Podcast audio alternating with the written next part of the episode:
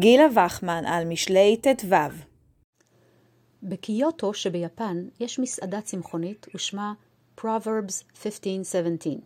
השם רומז כמובן לפסוק טוב ארוחת ירק ואהבה שם, מישור אבוס ושנאה בו. האמנם לכך התכוון ספר משלי? על הנסיבות שהביאו את שלמה המלך לחבר פסוק זה, מספרת אגדה המובאת במדרש משלי.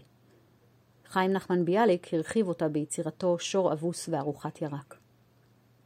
בשעה שירד שלמה ממלכותו, היה מחזר על הפתחים בשביל פרנסה. פגעו בו, כלומר פגשו בו, שני בני אדם שהיו מכירים אותו.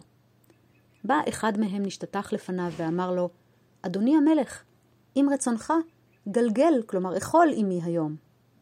מיד הלך עמו, והעלהו לעלייה, וזבח שור, והביאו לפניו מטעמים רבים, והתחיל משמיע לו דברי מלכותו, ואמר לו, זכור אתה שעשית כך וכך ביום פלוני כשהיית מלך? כיוון שהזכיר לו ימי מלכותו, התחיל בוכה וגואה, עד שעמד משם שבע מבכייתו. למחר פגע בו חברו. התחיל מש... משתטח לפניו ואמר לו, אדוני המלך, רצונך שתגלגל עמי היום?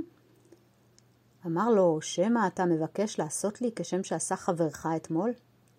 אמר לו, אדוני המלך, איש עני אני, אלא אם רצונך גלגל עמי היום במעט ירק שיש לי.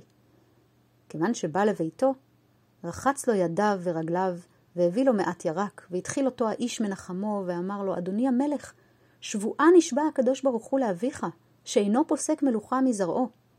אלא כך הוא דרכו של הקדוש ברוך הוא, מוכיח וחוזר ומוכיח, אבל הקדוש ברוך הוא מחזירך למלכותך. כיוון ששמע שלמה כך, מיד נתקרה, נתקררה דעתו עליו, ושמח מאותה סעודה של ירק, ועמד משם שבע. בעקבות האירועים הללו, אומרים חכמים, נכתב הפסוק שלפנינו. יש להודות כי המסר של הפסוק מובן למדי גם ללא הסיפור, אולם המדרש מנצל את ההזדמנות להיזכר בהיסטוריוגרפיה החז"לית שגזרה על שלמה המלך בערוב ימיו חיי עוני ונדודים כדי לכפר על חטאיו, ראו מלכים א', פרק י"א, ואולי ללמד אותנו פרק בהלכות חברות וניחום אבלים.